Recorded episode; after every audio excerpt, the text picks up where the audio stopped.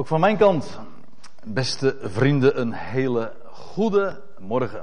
En een mooiere introductie had ik me niet kunnen wensen dan wat uh, zojuist is verteld over wat er zo vroeg in de morgen gebeurt wanneer zo'n waterkever een libelle wordt. Vroeg in de morgen. En ik wil vanmorgen daar inderdaad ook eens op inzoomen. Het is zo dat we in alle vier de evangeliën, Matthäus, Marcus, Lucas en Johannes, vier ooggetuigen. Nou, het zeg ik niet helemaal correct. Lucas was niet een direct ooggetuige.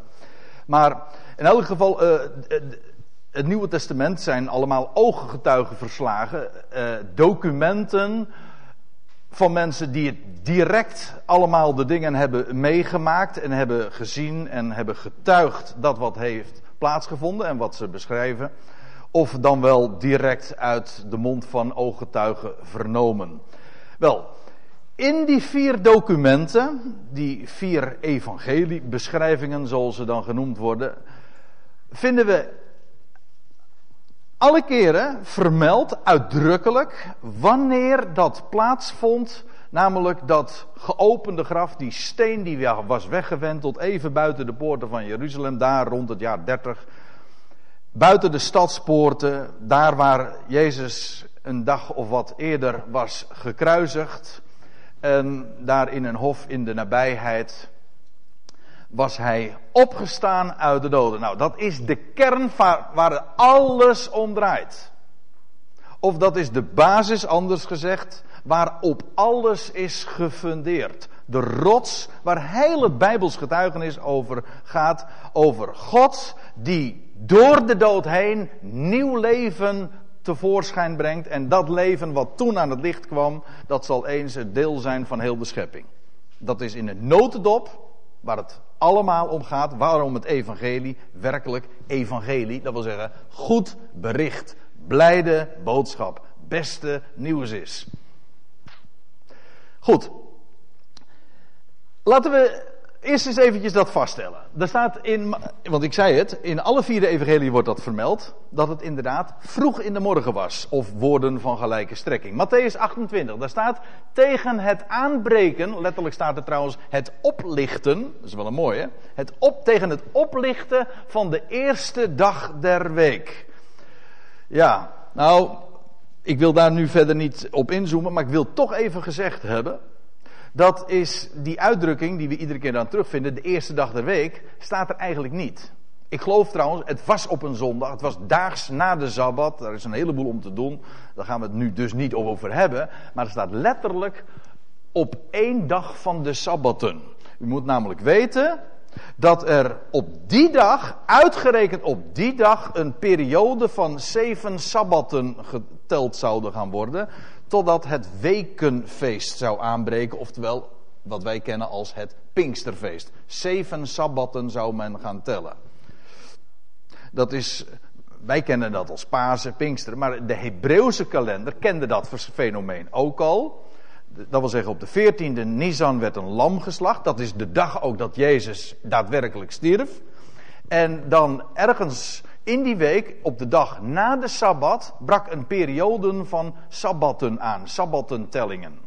En op die eerste dag van die periode, dat, was dat heet op de, uh, in de Hebreeuwse kalender de dag van de eerstelingsscharven. Dat wil zeggen, de eersteling van de gerstenoogst werd dan demonstratief uh, in de tempel bewogen. Nou, u vindt dat allemaal beschreven. Wat u moet vasthouden, het was de dag van de eersteling. Wel, op die dag was het dat de steen werd weggewenteld. Dat was dus niet zomaar op een zondag of een eerste dag de week. Nee, het was de eerste, de dag van de eerstelingsscharven. Dat maakt het nog, nog veel mooier. Onvergelijkelijk veel mooier. De dag dat de eerstelingsscharven bewogen werd daar in de tempel, dat gebeurde al duizenden jaren uh, in bij Israël. Dat was de dag dat de eersteling verrees uit de doden en het graf definitief achter zich liet en leven aan het licht bracht. Wel, het was op die dag, tegen het aanbreken van die eerste dag van de Sabbatten.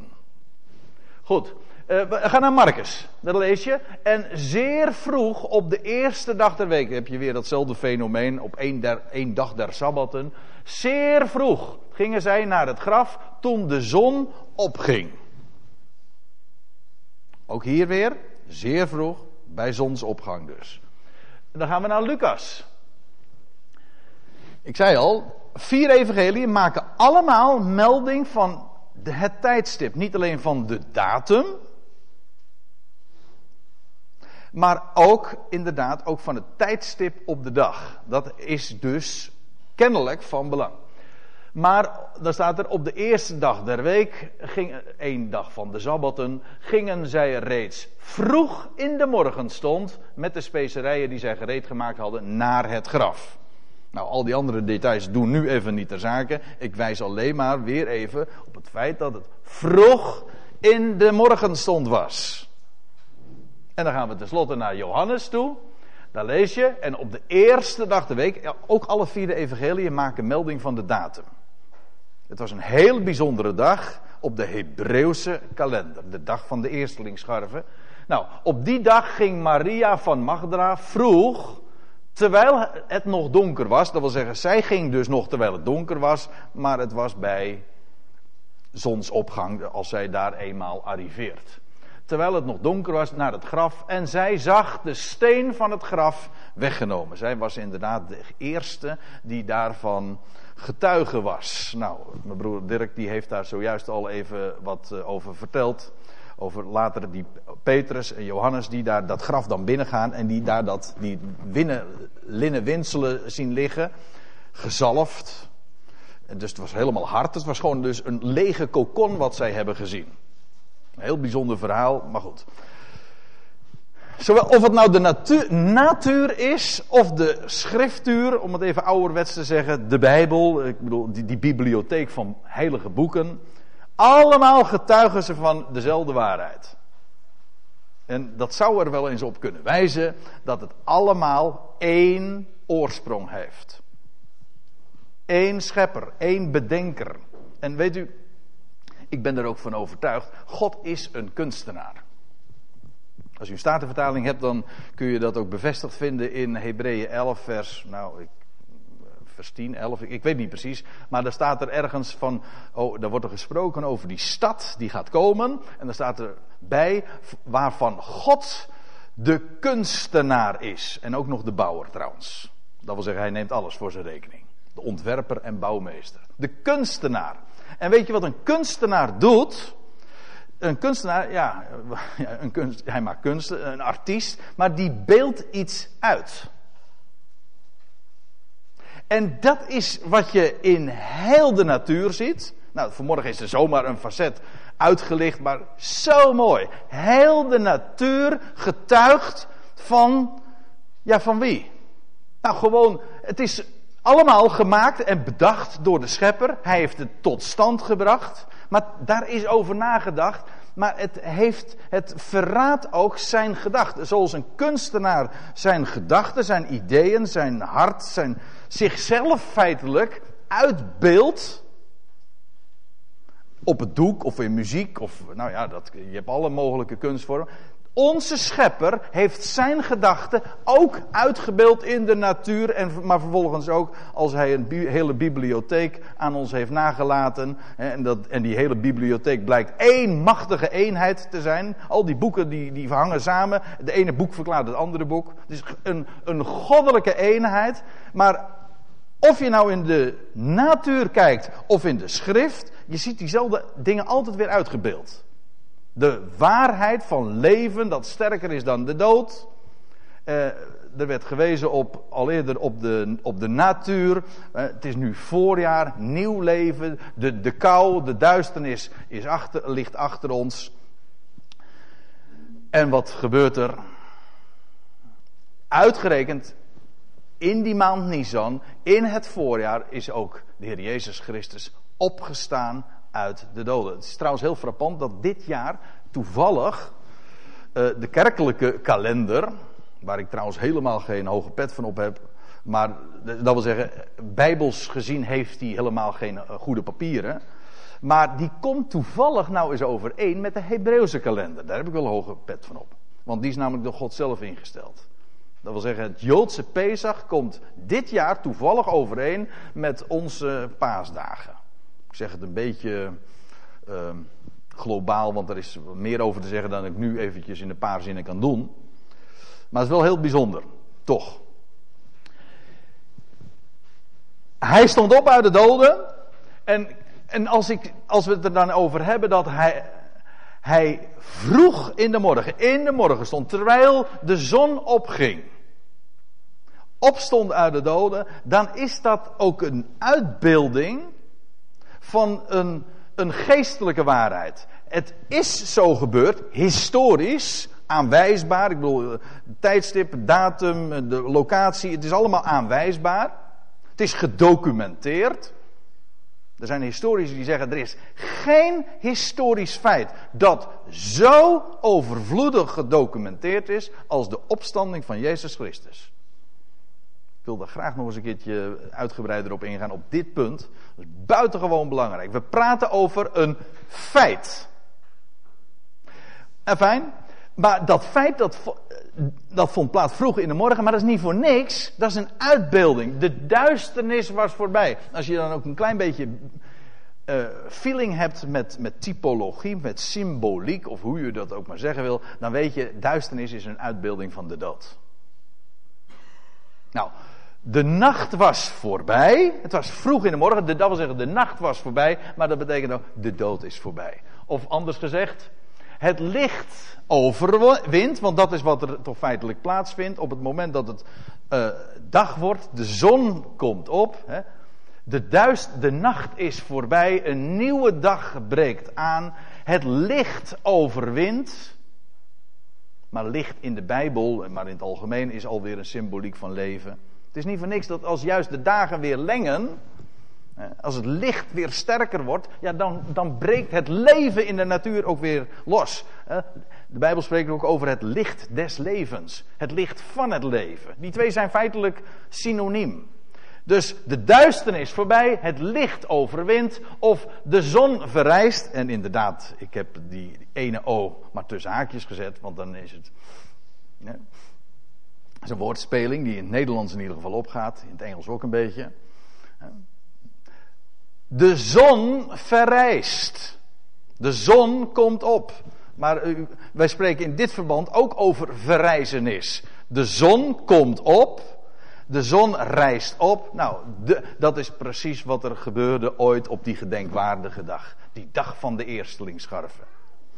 De zon verrijst en het is dan ook de tijd van ontwaken en opstaan. Nou, dan heb je het eigenlijk het plaatje ongeveer compleet. Vroeg in de morgen, dat is niet, dat is niet alleen maar historisch waar. Nee, maar het is de uitbeelding van een, van een geestelijke waarheid. Namelijk dat de duisternis achter ons ligt. Dat het licht overwint. Dat de zon opkomt. En dat er dus tijd is van ontwaken en opstaan.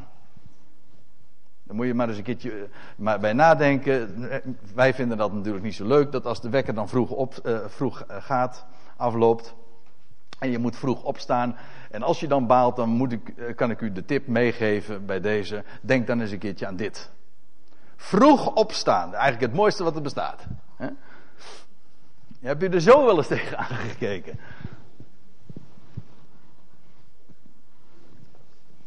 En dat is inderdaad ook die haan, hè? Die haan op eh, de, de kerktorens. De haan is een uitbeelding inderdaad van opstanding. Die haan die roept opstaan. Ontwaakt gij die slaapt en sta op uit de doden. Met dank aan Paulus in Efeze 5. Ja.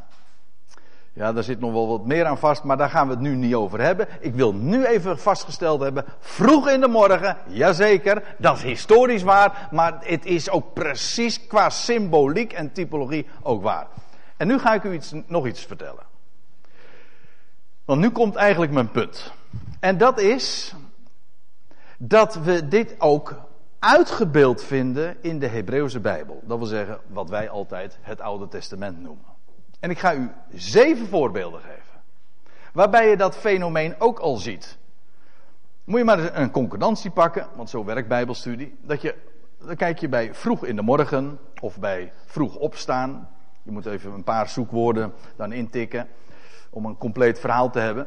En ik geef maar zeven voorbeelden. Zeven vind ik altijd wel een mooi getal.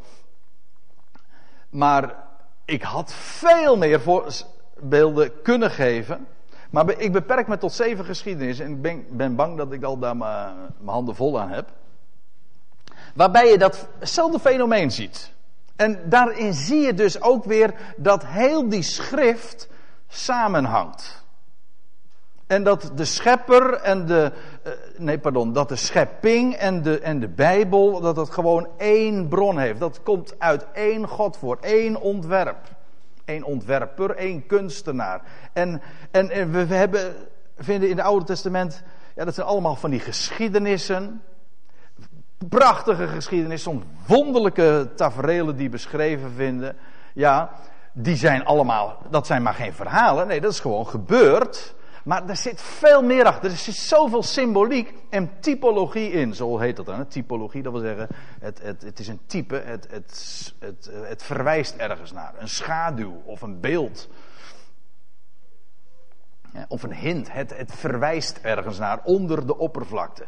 En ik ga u wijzen op een aantal geschiedenissen. Ik begin bij, nou ja, ik doe het maar even zoals we de, de Bijbelboeken dan in onze Bijbels uh, uh, tegenkomen, in die volgorde. Uh, we beginnen bij Genesis 22. Het is een bekende geschiedenis.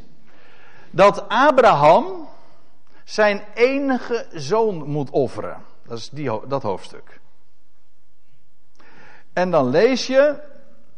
Ja, ik, ik moet er trouwens even uh, op voorhand even excuseren. Ik ga nu dus op zeven geschiedenissen wijzen. Voor, een, voor de meeste van u zal het bekend zijn. Maar er zijn er hier ook wellicht. Die het allemaal uh, niet meteen helder is, want omdat je, als je de geschiedenis niet kent. Dus ik veronderstel met excuses uh, wat Bijbelkennis. Kennis van deze verhalen, van deze geschiedenissen. En als u dat niet hebt, dan, moet u dat allemaal thuis nog maar eens een keertje nagaan. Want het is een wonderlijk verhaal, echt. Uh, Genesis 22, dus die Abraham moet zijn enige zoon offeren. En dan, moet, dan wordt hij gestuurd naar een berg, de berg Moria waar duizend jaar later de tempel zou verrijzen. En nog, Jeruzalem dus, hè. Toen was, en, en nog duizend jaar later zou de, de Heer Jezus daar bij Jeruzalem gekruisigd worden. De enige zoon, inderdaad. Maar ook opstaan uit de doden. Moet je kijken wat, wat je dan leest. Toen stond Abraham des morgens vroeg op. En dan, eh, en dan even later in vers 4. Toen Abraham op de derde dag zijn ogen opsloeg, zag hij die plaats in de verte. Dat wil zeggen, hij wordt weggestuurd, hij gaat met zijn knechten en, dan, en uiteindelijk komt hij dan bij die berg aan. En dan op de derde dag is hij er. Ja, waarom wordt dat nou vermeld? Nou, omdat alles te maken heeft in deze geschiedenis met dood. Ja, maar eigenlijk moet je het anders zeggen, met opstanding. Het verwijst naar de derde dag. Dat veronderstelt ook dood natuurlijk, want eh, zonder, zonder dood geen opstanding. Maar het gaat om die opstanding. Waarom moest Jezus sterven? Om op te kunnen staan, om de overwinnaar over de dood te kunnen zijn. Op die derde dag. En op die derde dag inderdaad vindt dat offer plaats van die enige zoon, Yitzchak. Weet u wat Isaac betekent? Hij zal lachen. En Abraham heeft dat gedaan. Weet u waarom Abraham dat heeft gedaan? Abraham wist. Ik kom straks weer terug bij mijn knechten. Had hij ook gezegd tegen die, die gast, hè, die die achterliet. Hij zegt, als wij straks, als wij straks aanbeden hebben, dan, en als wij tot, als wij, dat wil zeggen ik en, uh, en Isaac, weer tot u terugkeren, wij. Hij wist dat. Hij wist, Isaac komt weer levend terug. Weet u waarom? Abraham geloofde in opstanding. Hij wist, al moet ik mijn zoon doden. Het was een zoon van de belofte, dan krijg ik hem terug. Verzin ik dat? Nee. Er staat in Hebreeën 11, dan lees je, hij, dan gaat het over Abraham, Hebreeën 11 vers 18. Hij heeft overwogen dat God bij machten was hem zelfs uit de doden op te wekken. En dan staat er nog achter. En daaruit heeft hij hem ook bij wijze van spreken teruggekregen. Als uit de doden terug.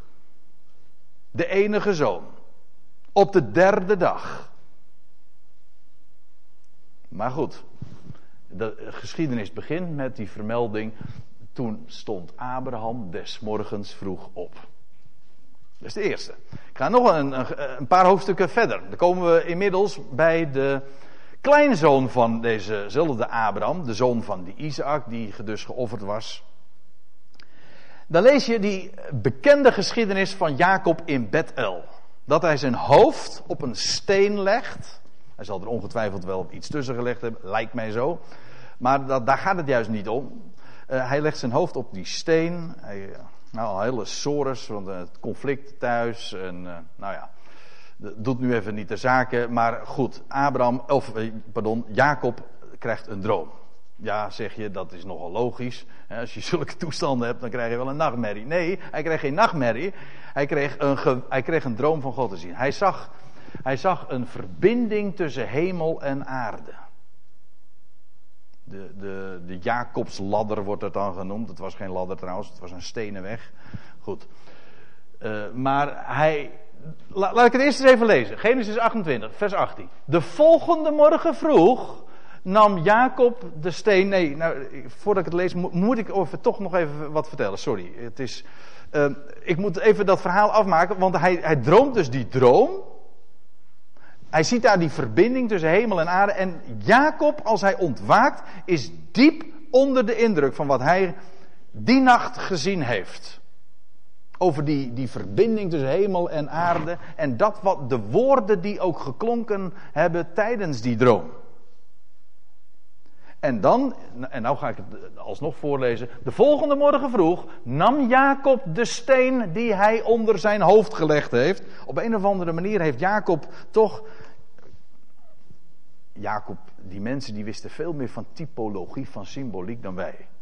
Wij zijn het allemaal verleerd. Wij, wij kennen dat soort gedachten niet meer. Maar toen wist men nog van, de, de, men wist men die dwarsverbindingen eh, en dat soort verbanden en dat soort linken te leggen hij, Jacob wist, die, die steen waar ik mijn hoofd op gelegd heb, dat heeft iets te maken met, die, met dat wat ik gezien heb. Dat is ook zo, want de steen in de Bijbel verwijst altijd naar, naar de Messias. Echt waar. Uh, ik kan het ook eigenlijk in, zelfs in dit vers gewoon ook laten zien. Hij nam die steen die hij onder zijn hoofd gelegd had, stelde die tot een opgerichte steen en goot er vervolgens olie bovenop. Nou, even, even inzoomen. Het was vroeg in de morgen. Die steen die daar lag, maakt hij een, tot een opgericht teken. Dat wil zeggen, hij laat die steen opstaan. Dat is wat oprichten is. Hij laat die steen opstaan en vervolgens giet hij op die steen olie. Zal ik het in het Hebreeuws zeggen? Maakt hij deze steen tot een Mashiach. Of zal ik het op zijn Griek zeggen? Hij maakt die steen tot Christos. Maar zowel Mashiach als Christos, of ons woord Christus of Messias, dat is gewoon allemaal gezalfde. Hij maakt die steen, die opgerichte steen, tot een gezalfde.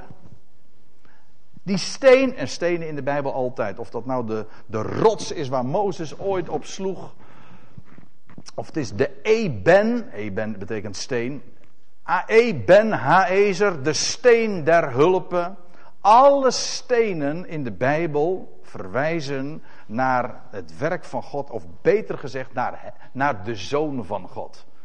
Als ik het in het Hebreeuws zeg, voor, degene die, voor de kenners, is het heel makkelijk, want E ben, daar zit het woordje ben in, maar ben is gewoon de zoon.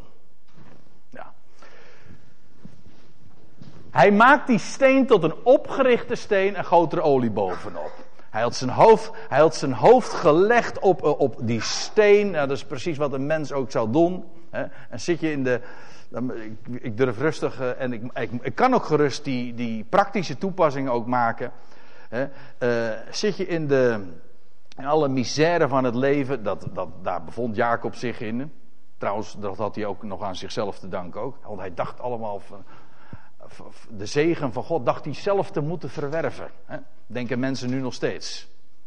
Dat is een grote vergissing. En dat werd die, die, die vergissing werd hem ook in die droom duidelijk gemaakt. Want als God belooft, dan geeft hij gewoon. Gratis. Helemaal voor niks. En een mens denkt altijd dat hij er iets voor terug moet doen. En het hele evangelie staat daar nu juist haaks op. Het is de juiste boodschap, God geeft het jou. Of je het nou wil of niet, hij geeft het jou. En voordat een mens dat gelooft, zijn hoofd gewoon daarop neerlegt.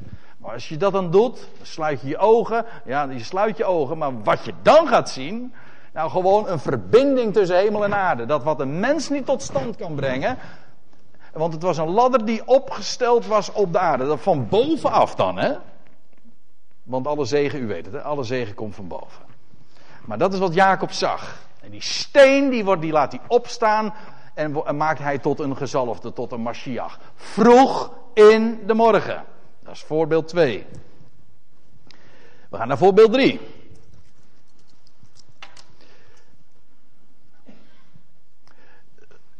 Exodus 24. Dan lees je over Mozes. Die vroeg in de morgen. Eh, vroeg in de morgen bouwde hij. Dat is Mozes dus. Een altaar. Een altaar is gewoon een, een hoop stenen. Een verhoging. Uh, uh, laat ik eerst even de zin lezen. Een altaar onderaan de berg. Sinai namelijk. Met twaalf opgerichte stenen. Heb je het weer? Overeenkomstig de twaalf stammen van Israël. Nou. Uh, over deze kan ik uh, kort zijn. Ik, in, dit geval is het uh, zo dat, dat Mozes. Hij maakt een altaar. En wat is een altaar? Dat is een plaats waar een verhoging. Ja, ja. Een verhoging. Maar wat vindt er op, een, op die verhoging plaats? Uiteraard, daar worden offers gebracht. Brandoffers. Als het in Hebreeuws zegt, dat is het offers van opstijging. Iets wat verrijst om, ja, wat omhoog gaat. Dat is nogal logisch bij een offer.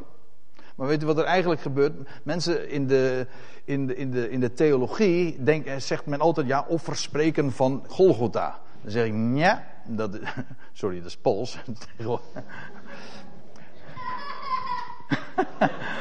nou, die vind ik een beetje overdreven.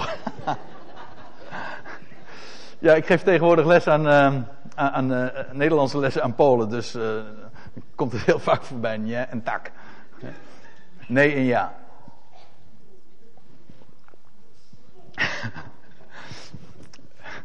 maar uh, die, die offers spreken niet van Golgotha, veronderstellen het wel. Kijk, een, wat, wat is een offer? Dan wordt er een dier geslacht. Maar is dat al een offer? Nee, natuurlijk niet.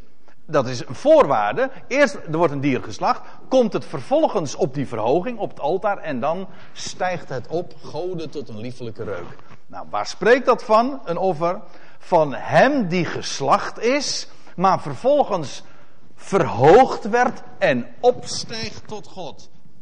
Tot een liefelijke reuk. Feitelijk spreekt een offer dus altijd en per definitie van leven na de dood. Ja. Vroeg in de morgen. Je had het kunnen. Ja, op een gegeven moment ga je het patroon herkennen. En dan kun je het. Ja, dan, dan wordt het toon. In die zin is het vanmorgen ook heel simpel. Want het is iedere keer hetzelfde, hetzelfde. Zoals dat heet. Hetzelfde archetype. Hetzelfde idee. Iedere keer wat je overal herkent. Dan zou je haast zeggen van. Hé, hey, zou het dan allemaal een gemeenschappelijke oorsprong hebben? Eén ontwerper die dat dan bedacht heeft? Ja, dat klopt. We gaan naar voorbeeld 4. Oh, die is ook mooi. Joshua 3. Daar staat, uh, dat zijn de Israëlieten gearriveerd na 40 jaren. Mozes is inmiddels overleden. En dan zijn zij gearriveerd daar bij de Jordaan. Ja, ja, u weet wel, dat is ook zo'n mooi symbool van de dood. De doodsjordaan. En dan moet je eerst door de Jordaan om in het beloofde land te arriveren. Maar goed, dan staat er in Joshua 3, vers 6. Nee, dat klopt niet, wat ik hier doe. Hier moet een 1 staan, want hier, ja. Maar goed, dat moet ik nog even corrigeren. Uh, toen stond Joshua des morgens vroeg op. Die is, die is mooi, waarom? Omdat Joshua exact dezelfde naam is die we in het Nieuwe Testament ook tegenkomen, namelijk Jezus. Jezus. Yeshua. Maar Jezus is gewoon de vergrieksing van de Hebreeuwse naam Jehoshua. Of Joshua. Joshua. Toen stond Joshua, oftewel op zijn Hebreeuws, of zoals wij dat zouden zeggen. Toen stond Jezus des morgens vroeg op. Hij en al de Israëlieten braken op van Sittim, kwamen tot aan de Jordaan. Ja, dat kun je dan ook bedenken. Uh, waar zij overnachten voordat zij overtrokken. En dan staat er na verloop van drie dagen, dan gaat het verhaal verder. Het gaat voert te ver om dan daarop in te zoomen. In elk geval, dan trekken de Israëlieten ook op de derde dag door de Jordaan. Dood en opstanding. De hele gang door de Jordaan om dan vervolgens in het beloofde land te komen, is niets anders dan een uitbeelding van dood en daaruit weer opkomen en opstanding. Waarom zou Johannes daar toch in die Jordaan hebben gedoopt, hè? Ja. Onderdompel en dan vervolgens daar weer uit opkomen. Schitterende symboliek. Maar het was ook op de derde dag. Des morgens vroeg. En dan ga ik er nog maar aan voorbij dat als dan op de derde dag de, het volk inderdaad door de Jordaan trekt, dan gaat die ark, de ark, voorop. En dan volgt Israël die ark, en dan staat erbij, op een afstand van ongeveer 2000 el. Dat wil zeggen, eerst gaat die ark door de Jordaan. De ark is een uitbeelding van de Messias. Die, die, die, dat gouden voorwerp, dat centrum van heel Israëls eredienst, waar de verzoening ook tot stand bracht, gebracht werd, de verzoendeksel, et cetera. Eerst die, gaat die ark door de Jordaan en dan vervolgens, Israël komt ook, alleen op afstand. 2000 el later. Ja, dat betekent, als we de rest van de Bijbel kennen, Israël volgt haar Messias ook in diezelfde weg van dood en opstanding, alleen op een afstand van twee millennia, 2000 jaar later ongeveer. Staat allemaal in Jozua 3 al. Schitterend. Wie bedenkt dat? Dat kan er maar één zijn. We gaan naar voorbeeld 5. U ziet, we, kwamen, we waren eerst in Genesis, gaan we in Exodus, eh, we waren in Jozua, nu komen we in Richteren. En uh, ik, ik zei al, ik, ik, excuseer me voor het feit dat ik vele voorbeelden uh, oversla. Daar hoef ik me trouwens helemaal niet voor te excuseren, want ik, ik eigenlijk, ik, het is een selectie. Ik heb gewoon een aantal dingen eruit gepikt. En ja, ik zou zeggen, kleur thuis het plaatje verder zelf in. Hè? Je, pak een concurrentie waar je het nog meer ziet. En op een gegeven moment ga je erover struikelen wordt het zo herkenbaar, dat patroon. Richter 6 is de bekende geschiedenis van Gideon.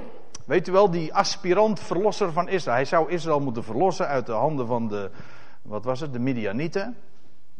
Hij gaat, dat zou hij ook gaan doen. Maar Gideon, die, uh, die wordt dan geroepen, daar bij de dorsvloer. En dan is Gideon niet helemaal zeker van de zaak en dan vraagt hij van God een teken. Bekend, en dan zegt hij, uh, ik leg een, een lamsvel, een, een, een, een wollen vlies, het gulden vlies, dat is een bekend eh, symbool. Hè?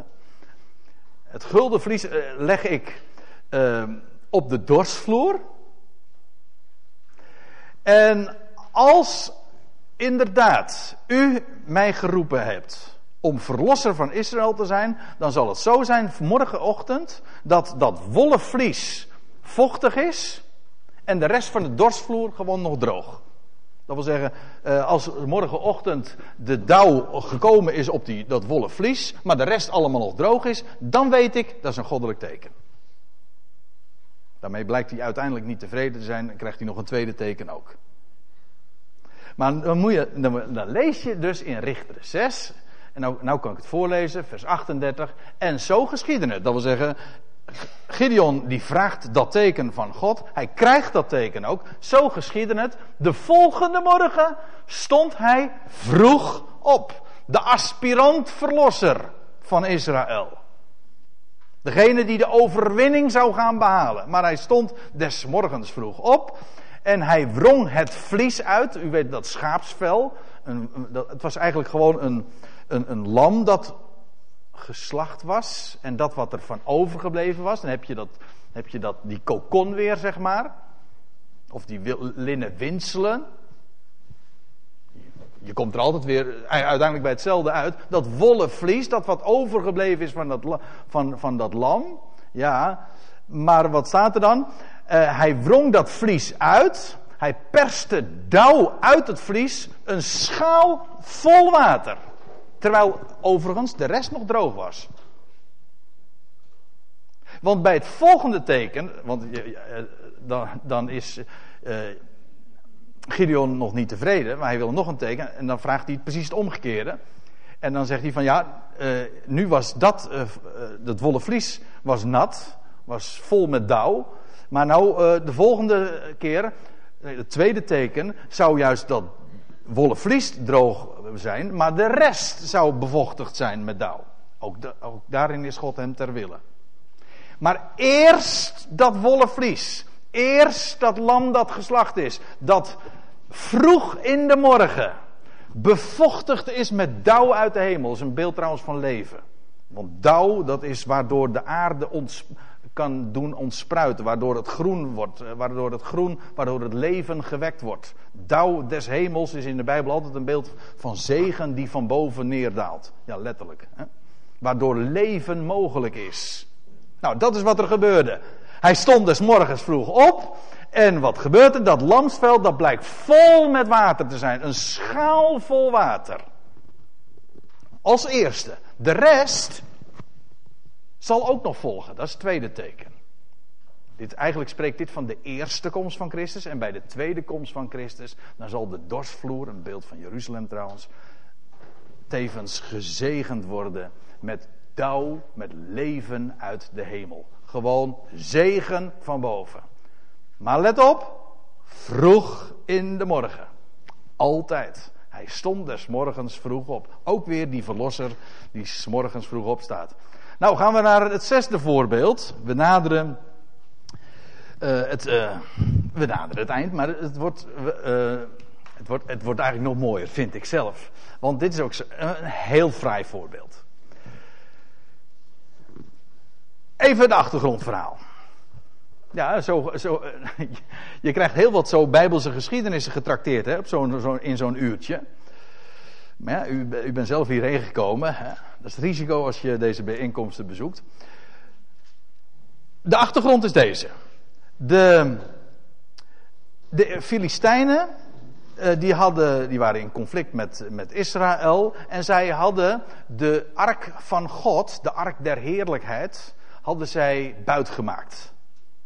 En als overwinningstrofee hadden ze die meegenomen. De ark ging naar de Filistijnen. Dat vind ik wel leuk gezegd op deze manier. Hè? Uh, die ging mee als overwinningstrofee naar de tempel van Dagon. Hun, hun god uh, heette Dagon. Dat was een soort visgod eigenlijk. Dak betekent ook vis. Uh, en die ark, die hebben ze als trofee, hebben ze in hun eigen tempel neergezet. Maar dat uh, beviel heel slecht. Want wat gebeurt er? De volgende morgen, als ze, als ze dat gedaan hebben, de volgende morgen, wat gebeurt er? Dan blijkt uh, Dagon opgevallen uh, te zijn. Voor de ark notabene. Dat zou voor hen in principe een goede les geweest moeten zijn. Zeg van jongens, dit is geen goed idee. Weg met die ark. Nee, weet je wat ze doen? Ze zetten, ze zetten Dagon gewoon weer overeind. Ze zeggen, nou ja, is foutje. Foutje, bedankt. En we zetten Dagon weer overeind. Dat was, dat was de tweede dag. Maar dan de volgende morgen, toen zij de volgende morgen, dat was inmiddels dus de derde dag, waarvan akte, toen zij de volgende morgen vroeg opstonden, zie, Dagon was op zijn gezicht ter aarde gevallen. Dat was de dag ervoor ook al. Maar nu, nu is het echt fataal. Hè? Dus echt, uh, was op zijn aangezicht ter aarde gevallen voor de ark des heren. Ik, had, ik heb al gezegd, uh, die ark is een schitterend type van de Messias. In alle opzichten. Maar het hoofd van Dagon en zijn beide handen lagen afgehouden op de drempel. Slechts de romp was nog over. Dit plaatje uh, moet het uh, ook uh, aangeven. Nou, eh, een ontluisterender beeld, met recht beeld, kun je je niet voorstellen. Want wat hier plaatsvindt is gewoon, Dagon is gewoon, ja, hij, is, hij is niet alleen maar uh, op zijn, hij is niet alleen maar op zijn aangezicht gevallen, hè, een beeld van eerbied voor die ark, dat was de dag ervoor. Maar hij was nu letterlijk onthand. En onthoofd ook nog eens. Kortom, hij was helemaal niks meer. Hij, kon, hij was gewoon. Hij, uh, zal ik het met de woorden van uh, Paulus zeggen in, in Colossense 1? Hij heeft de overheden en machten openlijk tentoongesteld en zo over hen gezegevierd. Dat was de dag van de opstanding. En Paulus zegt in 1 Korinthe 2, als de, als de oversten van deze wereld, van deze aion, van hiervan hadden geweten, dan hadden ze de Heer der Heerlijkheid niet gekruisigd. Want de, groot, de overwinning was. Zij dachten aanvankelijk van, haha, bij Golgotha, wij hebben de overwinning behaald. Hij is dood. Dachten ze in Israël, dachten de schriftgeleerden, dachten alle tegenstanders. Het is nu voorbij. Ja, maar toen begon het eigenlijk. Want de derde dag was de triomf compleet.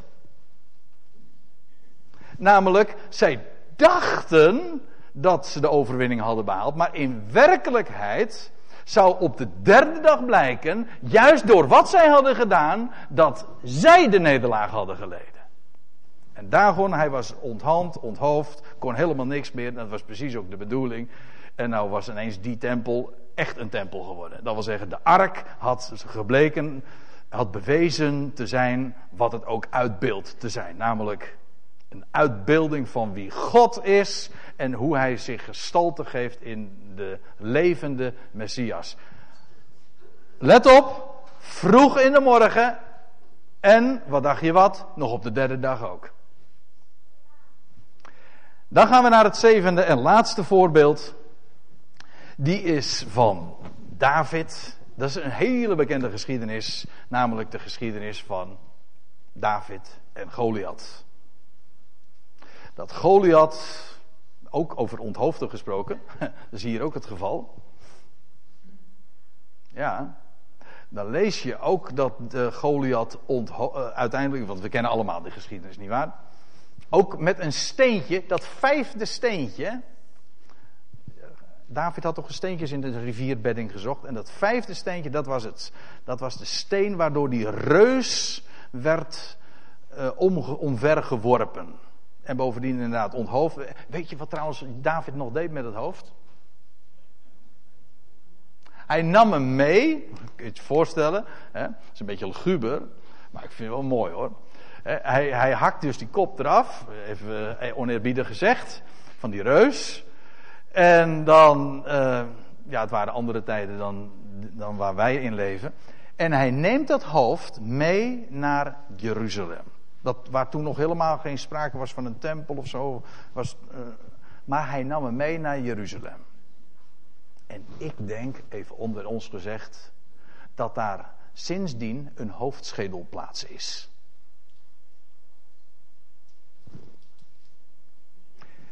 Golgotha, dat betekent hoofdschedelplaats. Dat zou zomaar te maken kunnen hebben met het feit dat daar een hoofdschedel lag, inderdaad. En laat nou uitgerekend duizend jaar later de grote vorst, de zoon van David, daar inderdaad de overwinning behalen. De nederlaag, maar uiteindelijk dus op de derde dag de overwinning. Maar dan staat er dus, voordat die hele geschiedenis dus aanvangt, hè, van David die Goliath, de vijand, verslaat. Ja, maar dat begon allemaal in vers 20. Toen stond David des morgens vroeg op. Hij was herder, maar nou zou hij uiteindelijk blijken de grote overwinnaar te zijn. En het werd uiteindelijk ook de aanleiding om koning te worden. Dat zou nog, daar zou nog heel wat uh, overheen gaan en nog heel wat moeten passeren. Maar zo zou het gaan. De goede herder, ja, ja, die zijn leven ook gaf voor de schapen. Dat zegt hij ook tegen koning Saul ook. Hè? Die, die, die heeft er in aanvang helemaal geen vertrouwen in. Als, als David dan die strijd moet gaan aanbinden tegen deze reus. Maar dan zegt David, wat dacht je wat? Ik ben een, ik ben een herder en ik, ik ben niet teruggedeinst als ik voor een leeuw of een beer, uh, als ik daarmee in aanraking kom. Zo'n zo man dat heb ik gedaan.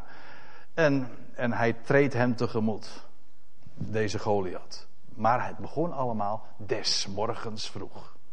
Die dag dat hij vroeg opstond, de zoon, nou, nou haal ik beeld en werkelijkheid even door elkaar.